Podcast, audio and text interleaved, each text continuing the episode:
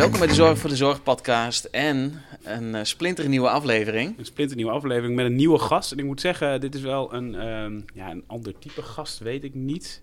Maar het is wel, ik vind het wel heel mooi dat je hier wil zijn. En uh, wij hebben Ton hier, uh, dus stel je kort even voor en dan kom ik straks wel waarom ik het heel mooi vind dat jij hier bent. Ja, ja dankjewel. ik vind het ook leuk om hier bij jullie aanwezig te zijn, want... Er is uh, genoeg uh, uh, aandacht nodig voor, voor deze onderwerpen. Nee, ik, ik ben Ton, 53. we hadden het er net al over, net iets ouder dan jullie. En werk eigenlijk sinds kort in de zorg, sinds anderhalf jaar. En daarvoor altijd in het normale bedrijfsleven, zeg maar even, noem ik dat, gewerkt. En de reden is dat, of de aanleiding is dat mijn vrouw vijf jaar geleden op haar vijftigste de diagnose Alzheimer kreeg. En ik heb in uh, de beginjaren gezien wat dat met haar deed. En uh, qua zelfredzaamheid ook en wat het met mij deed. Uh, ik wist ook pas na een half jaar dat ik ineens mantelzorger was. Ik moest het googelen om te kijken wat het was. Ehm, maar ehm, er is heel veel mogelijk in, in, in haar, of in het ziektebeeld van dementie. Als je vooral focust op wat wel kan, in plaats van op wat je allemaal niet kunt. En, uh, en het verbaasde me dat dat er nog niet was. Dus dat is uiteindelijk de aanleiding geweest om uh, de zorg in te gaan. Ja, mooi. Ja. En dat is eigenlijk precies waarom ik het zo mooi vind dat jij hier bent. Want je bent eigenlijk aan de ene kant ervaringsdeskundige. En aan de andere kant ook ondernemer in de zorg. Uh, dat je eigenlijk denkt van, god, weet je, ik zie een gat. En daar ben je dan ingesprongen. Kun je wat vertellen over in welk gat je bent gesprongen? Nou ja, een, het allereerste was dat wij gingen dus vijf jaar geleden naar de geriater. Uh, eh, ik vergeet nooit meer dat uh, we hadden een ruzie in de auto. Want haar karakter was ook al veranderd. En uh, alleen dat wisten we toen nog niet. En we gingen even bij de geriater aftikken dat het natuurlijk geen dementie is. En ze kon nog auto rijden. We reden naar het ziekenhuis toe. We zaten daar. En de geriater zegt eigenlijk vrij koud, kort. Joh, ik heb slecht nieuws. U heeft Alzheimer. En uh, vervolgens uh, uh, krijg je dan een klok. Ze liet dan wat zien en, en, en Hester moest een klok tekenen. Of dat had ze dan gedaan, een van die testjes. En ze kon dus geen klok kijken. Althans, niet altijd. Ze kon een analoge en digitale klok niet goed interpreteren. Dus ik was naar huis gegaan, los van het feit dat ik dat ook nog niet wist, want ze had me dat natuurlijk niet verteld. Ik denk, nou, ik, app, of ik download even een app, of het zal wel een instelling zijn op mijn telefoon, of op haar telefoon. maar de tijd wordt uitgeschreven in woorden. En dat kon ik niet vinden. En toen ik ging zoeken op uh, dementieklok, uh, vond ik allerlei dementieklokken voor belachelijke prijzen. Plastic dingen uit China voor 175 euro, omdat het dan een dementieklok is. En het was geen dementieklok. Het was alleen maar een klok voor slechtzienden of een beter contrast. En dat was eigenlijk voor mij de aanleiding dat ik dacht van joh, er is zoveel mogelijk. Natuurlijk kost het geld, het moet ontwikkeld worden, maar er is zoveel mogelijk. En ik denk ja, dat, uh, dat moet toch gewoon door iemand ontwikkeld worden. En dat, in dat proces ben ik Tim van Zanten tegengekomen. Tim is researcher. Tim kwam een keer wat vertellen over techniek in de zorg. En uh, zag al die mensen daar zitten. Dat waren allemaal mensen van uh, 60, 65. En begon te vertellen over domotica. Over leefstijlmonitoring en Big Brother is watching you. Want we gaan jou helpen. En ik chasseer dat nu een beetje, want er is natuurlijk absoluut iets goeds aan. Maar dat is helemaal niet vanuit het perspectief van de, van de persoon met dementie. Wij willen helemaal niet dat iemand anders ons controleert. Wij willen zelfstandig zijn. Dus ja, dat sloeg ook helemaal niet aan. En uh, Tim zag dat gelukkig, want iedereen zat ook met zijn mobiele telefoon te googlen uh, wat hij dan aan het vertellen was. Dus hij heeft zijn, uh, in, in Leeuwarden bij de NHL Stende, de master die hij toen deed, zich volledig gefocust op ingesleten gedrag vanuit de telefoon voor mensen met dementie realiserende dat dat natuurlijk nooit nu de hele doelgroep is, maar over tien jaar waarschijnlijk wel. En zo zijn we uiteindelijk samen uh, Timesteps begonnen. Wat, zag je dan gebeuren bij uh, jouw partner in, in dat autonoom zijn? Wat zie je dan? wat gebeurt er dan? ook in de relatie? Ik bedoel, op een gegeven moment kansen steeds minder of zo, maar kun je daar wat meer over vertellen? Wat, ja, nou, wat is jouw ervaring daarin? Ja, wij, veel mensen met dementie zijn ongelooflijk goed in het verbloemen van uh, dat ze begrijpen. Gisteren hoorde ik daar een technische term voor, die ben ik helaas vergeten, maar er is ook een term voor. Maar wat je dus uh, vooral merkt, is dat je dus discussie in eerste instantie krijgt. Uh, dus, dus dingen zijn besproken of dingen zijn duidelijk voor ons of voor mij. En uh, voor haar dus niet. Alleen ze uit alsof het voor haar ook heel duidelijk was. Alleen wel het tegenovergestelde van wat ik dan uh, vond of vind.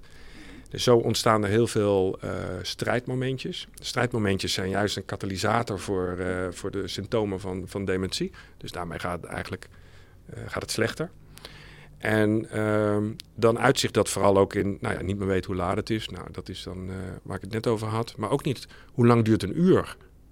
Daar sta ik helemaal niet bij stil dat je dat natuurlijk ook kwijt kunt raken. Dus als je daar dan achter komt en iemand staat dus al anderhalf uur lang bij de voordeur te wachten voordat de taxi komt voor de dagbesteding. Wetende dat, hoe, slecht je je dan voelt. Nou, dat, dat doet wat met haar, dat doet dan ook wat met mij. En, en dat uitzicht dan aan allerlei dingen. Vergeet de koffie te zetten, uh, uh, vergeten om de huissleutel. Ik weet zeker dat ze heel vaak de weg is vergeten of, of kwijt was. Maar goed, dan ging ik altijd wandelen met de honden. En die dacht na anderhalf uur van gaan we naar huis bij Dus uh, dat dus, soort dingetjes. Ja, en, en, en die autonomie, want ze wil, wat, wat miste je dan zeg maar in die zelfredzaamheid dan? Uh, er was wel, die techniek was er niet, of om mensen daarin te stimuleren, behalve tijd dan?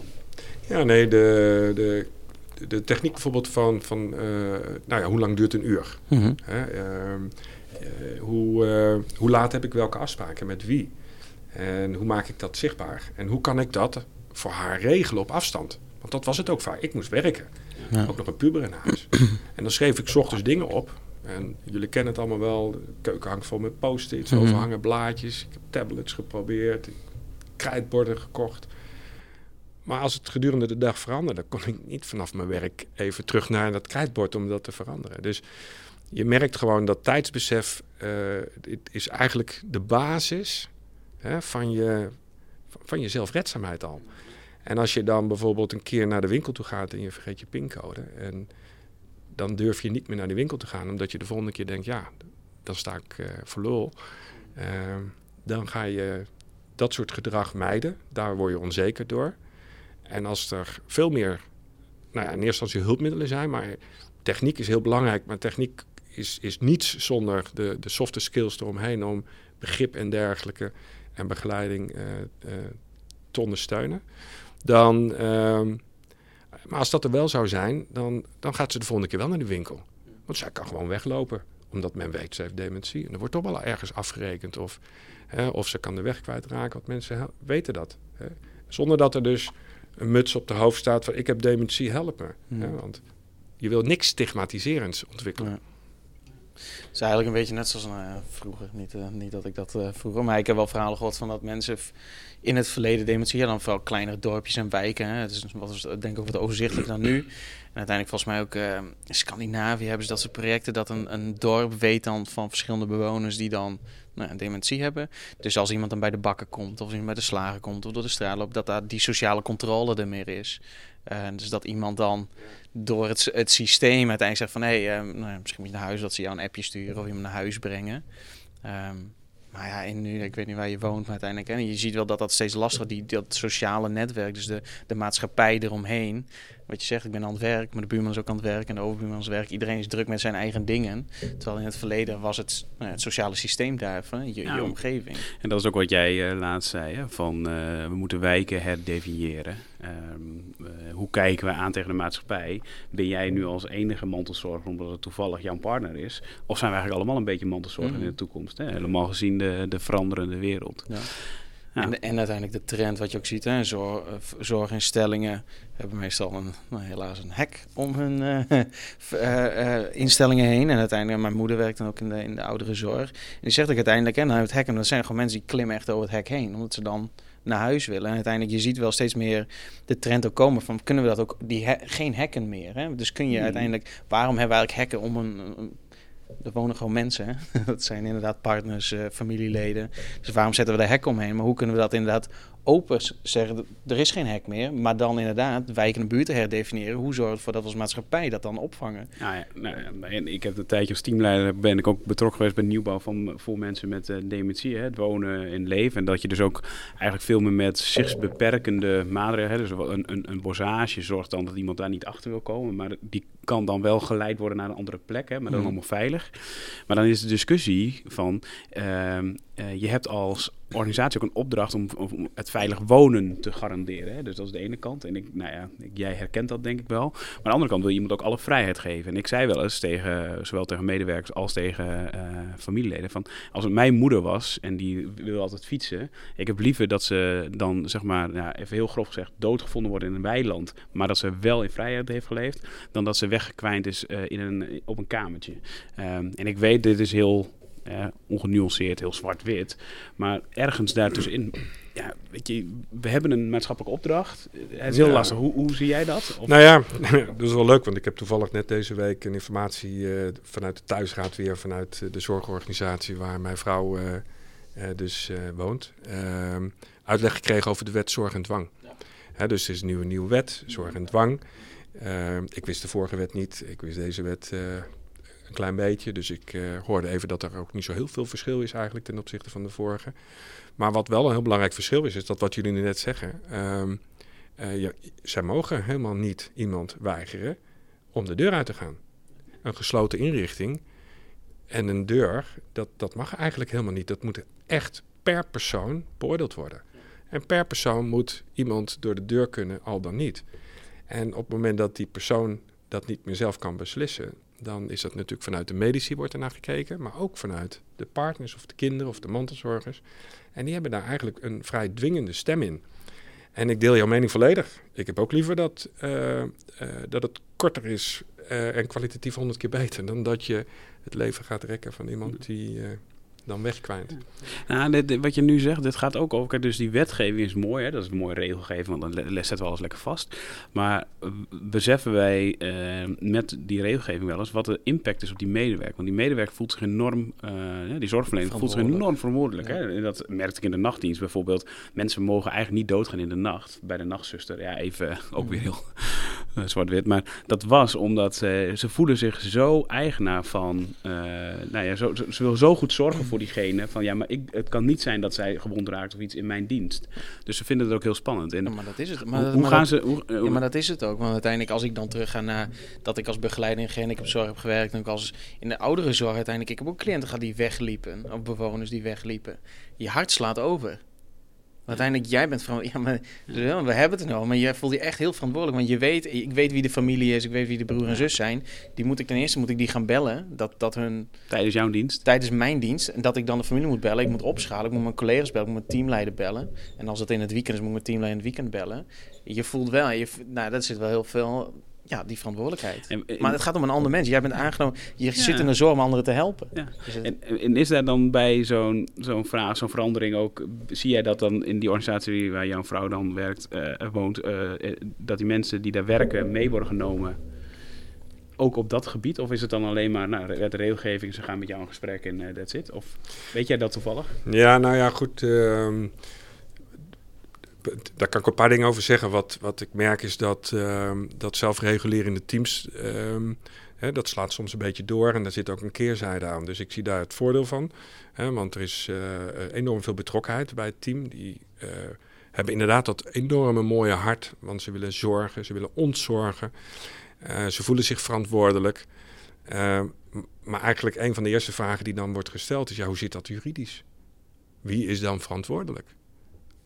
En dat merk je bij heel veel discussies. Als het gaat om zorg, gaat het toch heel snel om, ja, maar kunnen we dat uh, financieel en uh, wel ergens risicodragend afdekken? Want terwijl eigenlijk primair je moet nadenken over wat doet het inderdaad met die persoon om wie het gaat. Hè? Mag die dan die vrijheid hebben? Maar die andere persoon, die dus met dat goede hart aan het zorgen is, die is net zo belangrijk. En hoe neem je die persoon dan mee vanuit het persoonlijke verhaal, los van juridisch nog? Ja.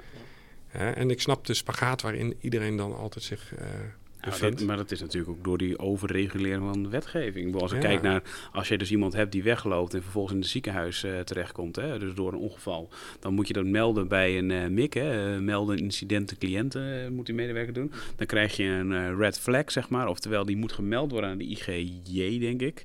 En dan komt er een inspectie op je dak. Dus, maar dat is hoe we het hebben ingeregeld. Dus je mag niet eens fouten maken. Want fouten maken, dan heb je een, een inspectie. En als je een inspectie hebt, die komt op uh, zwaar toezicht. Dus het heeft zo'n... Dus ik snap ook wel dat medewerkers, als, die zijn zo ge, nou, bijna geïndoctrineerd in de laatste jaren door eigenlijk alleen maar je mag niks of, of Ja. alles moet ingeregeld zijn. Dus ik snap ook, ook zij zitten natuurlijk een enorme splagaat in deze... Ja, en, en uiteindelijk, je, je, werkt, je werkt met mensen, maar uiteindelijk moet het allemaal wel volgens het protocol gaan. Nou, dat kan, ten eerste, dat kan helemaal niet. En uiteindelijk, wat je ook ziet, inderdaad, die, die, die verschuiving van uiteindelijk dat familie, uiteindelijk voorheen kon er nog wel eens iemand door een hek klimmen en een bewijs van eh, een blauwe plek hebben. En dan was dat nog wel oké in het verleden van zorg. Tenminste, wat ik van mijn oudere collega's heb gehoord. Maar als je nu, familie is heel mondig en dat is alleen maar goed. Maar uiteindelijk daardoor zit familie gelijk op dat, ook op dat juridische. Waardoor een organisatie weer zegt oeh, maar we moeten dat juridisch wel indekken. Dus je, je merkt van beide kanten van, ja, maar het moet wel, want dat is, ik, omdat het zo persoonlijk is, omdat het over mensen gaat en familieleden. Maar daardoor zit je in die spagaat van, hè, wanneer hou je dat menselijk, hè? wanneer zit je die wet en regelgeving. En dat is wel grappig, want dat is eigenlijk een beetje vanuit, de- je hebt de FUCO een beetje, dan zeggen ze, de FUCO is een beetje de, de veranderende wereld. Dus, eh, je hebt systemen die heel gereguleerd zijn, in, eh, tussen complex en complexiteit zit dat in voor mij. Dus, ehm, en ik zie dat altijd een beetje, je hebt een uurwerk en dat uurwerk moet gewoon heel goed draaien om het goed te laten draaien. Dat zijn wet en regelgeving, dat zijn, is je salarisadministratie, dat zijn dat soort dingen. Maar die zorg organisatiedeel, hè, dat operationele deel, is een veel meer een soort, ja, die moet adaptief zijn. Die moet, de ene keer moeten ze een beetje meebewegen naar links met de cliënt, de andere keer moeten ze weer wat dat. En, en, en, en die wet en regelgeving lijken wel eens haaks te staan op de werkelijke wereld. Dus ik, Ja. eh, Heel, nou ja, heel mooi. Ik, ik weet niet of wij hier die, die wereld, maar ehm, Eh, maar, maar wat je wel ziet is dat ehm, hè, want je, de, de, de, mantelzorgers, familie worden steeds mondiger. Ehm, er wordt heel vaak pas gereageerd ehm, op, op escalatiemomenten. Ja, klopt. En, eh, en dat is logisch, daarop reageren we. Maar als je zegt van nou, hoe, hoe gaan we daar nou eh, op een andere manier mee om? De, de, bij ons werd ook geopperd van, joh, maar waarom worden wij niet betrokken in dit soort vraagstukken? Hoe kunnen wij helpen? Want wij, het kost ons nu ook al tijd, want nu moeten we eigenlijk eh, eh, het, het, het gevolg van de huidige oplossing managen. Terwijl we veel liever aan de voorkant van die kar staan en, en misschien wel een andere kant op willen. Wij kunnen ook helpen. Dus als je veel integraler met elkaar gaat kijken naar hoe gaan we dit nou in de toekomst oplossen? Want in de toekomst zijn er geen verzorgingshuizen meer zoals ze er bij wijze spreken nu zijn. Want hè, vanuit de overheid wordt ook gezegd van nou, we moeten afbouwen, we moeten langer thuis wonen. Er moet allemaal technische innovatie komen. Het, het, kost nu al 10, 20 miljard, hè, de zorg, of 10 miljard ongeveer de zorg specifiek voor mensen met dementie. En we kunnen dat niet meer betalen. En, en al dat soort eh, eh, waarheden worden wel allemaal geroepen. Maar er is nog geen ecologische eh, eh, oplossing bedacht van hoe gaan we daar dan ook werkelijk invulling aan geven. er is nog geen nieuw ecosysteem eh, Nee. voor, de, voor eigenlijk de, wat, hè, of de, de, de waarom weten we. We weten waar, allemaal waarom we moeten veranderen. En eh, wat, wat we moeten doen weten we nog ongeveer. Maar hoe, daar staat iedereen en- een beetje met de hand in de haar Ja. van. En kijkt elkaar een beetje aan of zo. Plus dat vanuit het medisch systeem dus uiteindelijk, hoe ik nog ben opgeleid, hè, mijn mbo is het van, oké, jij, bent, jij wordt persoonlijk begeleider. Dan heb je een cliënt. Dan heb je uiteindelijk heb je een, een persoonlijk eh, systeem, of uh, rapportagesysteem. En dan heb je een leefplan. En dan heb je een eerste contactpersoon. En daar heb je contact mee en daar ga ik mee regelen. Dat is wat ik bij mbo leer. Toen ging ik naar hbo maatschappelijk werk en dienstverlening. Oh, systeemtherapie. Dat was een van, de, een van de dingen die werd aangeboden. Er zijn natuurlijk verschillende methodes. Oh, volgens mij kun je inderdaad het hele systeem. Dus hoe is alles in relatie tot elkaar? Dat is precies wat je zegt. Hè? Wie zijn al die familie? Want uiteindelijk gaat eerst contactpersoon. Maar die tweede contactpersoon heeft soms een hele andere rol. Die soms veel uh, meer impact heeft op de leefwereld van, van de bewoner, van de cliënt. Maar dat is dan de tweede contactpersoon. Maar we moeten wel besloten worden met de eerste contactpersoon. Maar ook weer dat familie weer uiteindelijk. Ja, maar ik ben de eerste contactpersoon. Je gaat toch mijn broer bellen? Ik ben de eerste contactpersoon. Of, of dat een familie zegt, ja, maar moet niet bij mij zijn, moet bij mijn broer zijn. Want dat is de eerste contactpersoon. Dus het is ook weer vanuit een systeem, we hebben dat bedacht van dit moet zorg zijn. Gaat het helemaal niet meer om de bewoner, gaat het helemaal niet meer om zorg leveren, maar gaat van, nee, maar dit is de procedure en die moet je, moet je aflopen. Ja, ja, exact. En voor mij is dat dat we anders naar het systeem moeten gaan kijken. Ja, en, het systeem moet niet leidend zijn. Nee. Maar, het, maar het mooie is, um, hè, vanuit jouw ervaring, hè, want dat eigenlijk ben jij uh, Tim tegengekomen en, en en wat hebben jullie eigenlijk, ja, wat zijn jullie eigenlijk gaan doen? Want rondom dat thema tijdsbesef zijn jullie volgens mij, nou dat weet ik, jullie, jullie zijn daar iets mee gaan doen. Wat ja, zijn jullie ja, mee gaan doen? Zou ik het zo wat zeggen? Doe je? Ja, wat doen jullie? nou ja, we hebben, we hebben heel erg gekeken naar van, nou ja, wat, hè, welke vier pijlers, althans we zijn erachter gekomen dat het uh, voor ons vier pijlers zijn. Uh, tijdsbesef, dagritme, routine en oriëntatie. Dat is met name in de, in de, in de, in de fase dat je nog thuis woont. Ehm, eh, wat je zelfredzaamheid enigszins of volledig kan eh, eh, beïnvloeden, laat ik het maar zo zeggen. Dus als je je daarop focust. We hebben heel erg gekeken, en dat, en dat moet ik eerlijk zeggen, dat doet Tim ongelooflijk goed, is dat wij vooral niet hebben gekeken naar waar nu het meeste geld om gaat. Hè, want het meeste geld gaat om in de intramurale fase, gaat om, is het ergens in een basisregeltje opgenomen, kan ik het ergens verantwoorden en kan het gedeclareerd worden. Ehm, maar helemaal vanuit het perspectief van de eindgebruiker. Dus als de persoon met dementie dit eh, wil en kan gebruiken, nou, dan koppelen we dat aan eh, de mantelzorgers en aan de familie. Want als die persoon met dementie langer zelfredzaam is, ontzorg je indirect, direct, of eigenlijk direct dus ook, de, de mantelzorger. Hè, en als je die twee werelden aan elkaar hebt verbonden en je kunt de napas bij de zorgorganisaties, eh, hè, dat die er ook op worden aangesloten, dan eh, is dat in onze ogen de, de, de juiste weg om te gaan. Dat is ook tegelijkertijd een moeilijke weg, want ja, goed, eh, het kost wel allemaal geld. Maar we zijn ons dus gaan richten op ontwikkelen van applicaties op de mobiele telefoon. Ehm, device onafhankelijk, omdat ehm, we ook niet geloven in devices. Ehm, wat betaalbaar moet zijn, wat schaalbaar moet zijn. Wat, eh, en schaalbaar bedoel ik daarmee dus dat je het ook internationaal kan doen. Want iemand in China heeft dezelfde symptomen als iemand in Nederland. Eh, en tegelijkertijd moet het ook schaalbaar zijn in het ziekteproces. Dus aan het begin kan iemand nog heel veel. In of, of misschien denken ze wel dat ze nog alles kunnen, want dat hoort ook een klein beetje, hè, het ziekte in beeld bij, eh, bij de symptomen van, van dementie. Maar geef ze dan ook daar de ruimte in. Hè. Geef ze ook de ruimte om die fouten te maken. En zorg ervoor dat dan de mogelijkheden op je telefoon afschalen met het proces. Zonder dat het stigmatiserend overkomt. En dat is waar we dus mee bezig zijn. En, ehm, en eigenlijk, eh, zoals Tim het ooit aangaf, is het een soort cognitieve prothese. Dat je vanuit. Het mooiste is als je vanuit eh, je gezonde periode nog. ehm, en ik ben niet de, alle technisch, eh, de meest technische persoon, maar vanuit kunstmatige intelligentie en dergelijke, jouw patronen en jouw gedrag, je routine en je vast gaat leggen en je dat gaat teruggeven op het moment dat je het nodig hebt. En dat kan de ene dag ook meer zijn dan de andere dag, want het is niet elke dag even, het is niet een geleidelijke schaal. En ja, dat is idealiter onze droom. En we hebben het opgezet vanuit het eh, social impact eh, gevoel. Hè, wij willen de impact maximaliseren en niet de winst. Alleen we moeten wel winst maken om die impact te kunnen Ja, maximaliseren. Dus het is, Altijd een balans zeg maar in je, in je businessmodel of zo, in je verdienmodel. ja, Toch? ja, Ja, daar had, had jij een mooie post over vorige week. Daar had ik, had ik af, ja, recent een post over. Ja, ik vind het ook een lastig verhaal. Hè? Ook omdat wij zelf ondernemer zijn. Is van hoe doe je dat dan? Hè? Dus hoe, mm. Want je moet geld genereren om je product door te kunnen ontwikkelen en om nog beter impact te kunnen maken. Eh, maar aan de andere kant eh, wil je ehm, het ook weer, ja, je wil ergens een balans hebben en zo. En voor mij moet je dat verhaal dan of zo heel helder vertellen. Daar gaat het denk ik om. Eh, ja, ik, ik vond het een heel mooi verhaal. Jij vertelde hoe jullie businessmodel, volgens mij zei van hè, tot een bepaalde hoogte, dat je dan soort van eh, dat geld ook weer teruggeeft aan. eh, ja, misschien Ja, zo ja, ja, ik, kan me helemaal niet. we hebben die fase helaas nog niet. Nee, nee, nee, maar Want, uiteindelijk wel het doel. terug-. Teruggeven, dat duurt nog wat langer. Ja, nee, dat is. eh, nou ja, sterker nog, we hebben daar ook eh, eh, eh, onze investeerder op gevonden. Mm. Hè, waarbij we ook hebben gezegd, want we hebben verschillende investeerders gesproken. En Sommigen begonnen in het eerste gesprek al over de exit-strategie. Nou, eh, we hadden nog geen geld, maar we hebben daar toch maar afscheid van genomen. Omdat we Mhm. dachten, van, ja, daar gaan wij niet. eh, Past niet bij jullie filosofie van Nee. ondernemen en van impact maken. Nee, dus, ehm, en we hebben dat nu eh, dus, dus wel gevonden. Als je dus uiteindelijk ehm, eh, met de oplossingen in gang kom, of, aan de gang bent en je dus merkt dat de eh, zelfredzaamheid stijgt, dat de willingness to pay, zo'n mooie Engelse term weer, gewoon de consument wil ervoor betalen. Eh, ik voeg dus waarde toe hè, voor die eindgebruiker.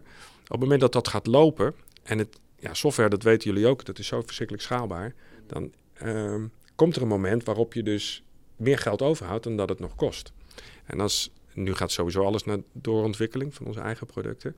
Maar mijn rol nu al is, is dat ik ben aan het verbinden met allerlei andere hele mooie initiatieven. Mensen die, Olaf Masterbroek, die bouwt een radio in een stichting. En die wil het dan bouwen door eh, weer de sociale werkplaats. En dat is voor het eerst, omdat ik ook vanuit andere ogen kijk, een radio doe echt voor mensen met dementie. Hè, want er zijn er een hele hoop. Maar, en dat vind ik fantastisch, als ik die dan ook weer kan helpen. En, en op die manier bij andere projecten, als we dat punt dadelijk ooit een keer bereiken, dat wij eh, die dan ook kunnen steunen. Dan maximaliseer de impact. Ja. Weet je, dat is wat we... Ja, want jij zat in het bedrijfsleven. Ja, En, en, en volgens mij eh, prima baan, denk ik. ja. En, en, en wat heeft het je opgeleverd om toch die stap te maken? Dat je zegt van, je hebt dat losgelaten en je bent eigenlijk in diepe gesprongen. Nou, ik heb daar vijf maanden over moeten denken. Want Tim vroeg dat natuurlijk gelijk. Of natuurlijk, maar Tim vroeg dat vrij snel in het begin. En eh, ik had zoiets van: Nou, ik, ik ga je helpen, belangeloos. Want ik ga voor de impact en ik ga jou helpen. En vijf maanden later dacht ik: van, Nou ja, goed, ik moet dat zelf gaan doen. Ik heb nu eh, eh, in het bedrijfsleven, ik heb het heel goed gehad. Ik heb veel geld verdiend. Ik heb een Tesla ingeleverd. En ik heb voor 4.500 euro eh, op Marktplaats een auto gekocht. En in plaats van dat ik een bonus kreeg of dat ik inderdaad een hoger salaris kreeg, krijg ik nu berichtjes via Messenger. Want dat wist ik toen nog niet, maar dat kan je dus ook doen als je geen vriendjes bent. Van mensen die dus letterlijk die ik niet ken vanuit het hele land. Ton, ik heb de tijd weer terug. Ik sta op. Ik heb mensen die in de intramurale fase. Een man Theo, bij mij vrouw. En ik krijg er nog kippenvel van. Die komt bij de eh, introductie, want die kwam wonen bij mijn vrouw. Hij is 2,63. En ik zie zijn telefoon liggen. Hij zegt, Ton, ik vraag je, wat doe je met je telefoon? Ik zeg, ken je dat nog? Nou, zegt Theo. Hij zegt, ja, ik heb sinds kort een app hier. En hij laat onze app zien. Hij zegt, ik weet weer hoe laat het is. En nu met de agenda erbij is het eerste wat ik doe is, wat, moet, eh, wat ga ik doen vandaag? Ah, weet je, daar kan geen geld tegenop. Voor mij niet. Dus, eh, Dus eigenlijk eh, ja, ben je super blij. Ben je eigenlijk een blijer mens dan, dan, dan dat je ervoor was. op, op werkgebied gezien dan. eh, ja, ja, mooi. Ja, ja. wij, een mooie quote is van iemand die bij, eh, van een goede vriendin bij uh, Sarenhuis. En zij zei op een gegeven moment op, eh, naar mij toe, of ze schreef dat dan eh, van Aristoteles, als ik het goed uitspreek. Daar Mhm. waar jouw talenten en de behoeften van de wereld elkaar kruisen, daar ligt je roeping. Mm, En ja, dat voel ik. ja. Mooi. Nou, we quoten hem gewoon eh, nu met jouw naam erbij hoor. ik vind het echt super gaaf. ja. ja ik denk ook een mooie noot om te eindigen. Ja.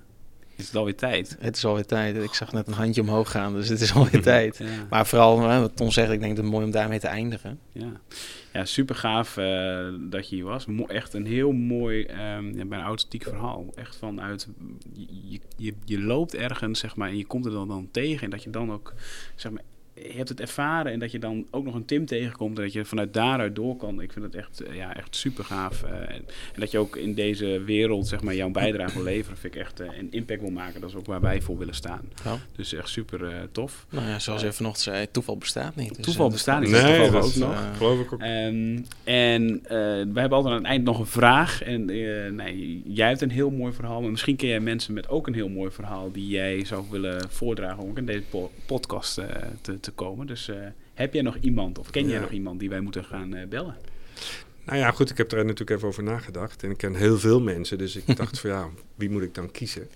Uh, Eh, Stadionnetje vol, hè? We zitten in Tialf, dus ja, het kan. ja, ja. nee, ja, goed. Ik ben heel veel mooie mensen tegengekomen. En een van die mooie mensen, dat is, dat is Annemarie Schouten. Eh, zij heeft samen met twee anderen hebben ze ook een boek geschreven, Dementie, hoe ga je ermee om? Mhm. En wat ik daar ook heel goed merk is dat, ehm, hè, als we het dan hebben over techniek, hè, omdat dat, en we weten dat is noodzakelijk, Mhm. anders kunnen we het niet meer managen in de toekomst. Maar dat als dat goed begeleid wordt en daar de softe skills omheen zitten, het menselijke, hè, Mhm. want dan pas wordt het in mijn ogen warme technologie, ook zo'n mooie uitdrukking, dan, ehm, en dat kan zij eh, vanuit haar hart vertellen. Dus ik merk, ook zij werken vanuit hun hart, maar ook met kennis en passie. Dus dat, eh, ja, die zou ik wel willen voordragen. Mooi. Nou, dan eh, gaan wij die zeker even berichten. En eh, voor nu bedankt. Ja, eh, nou, bedankt voor je komst en eh, bedankt voor het luisteren en kijken. En eh, tot de volgende keer. Tot de volgende keer. Yes.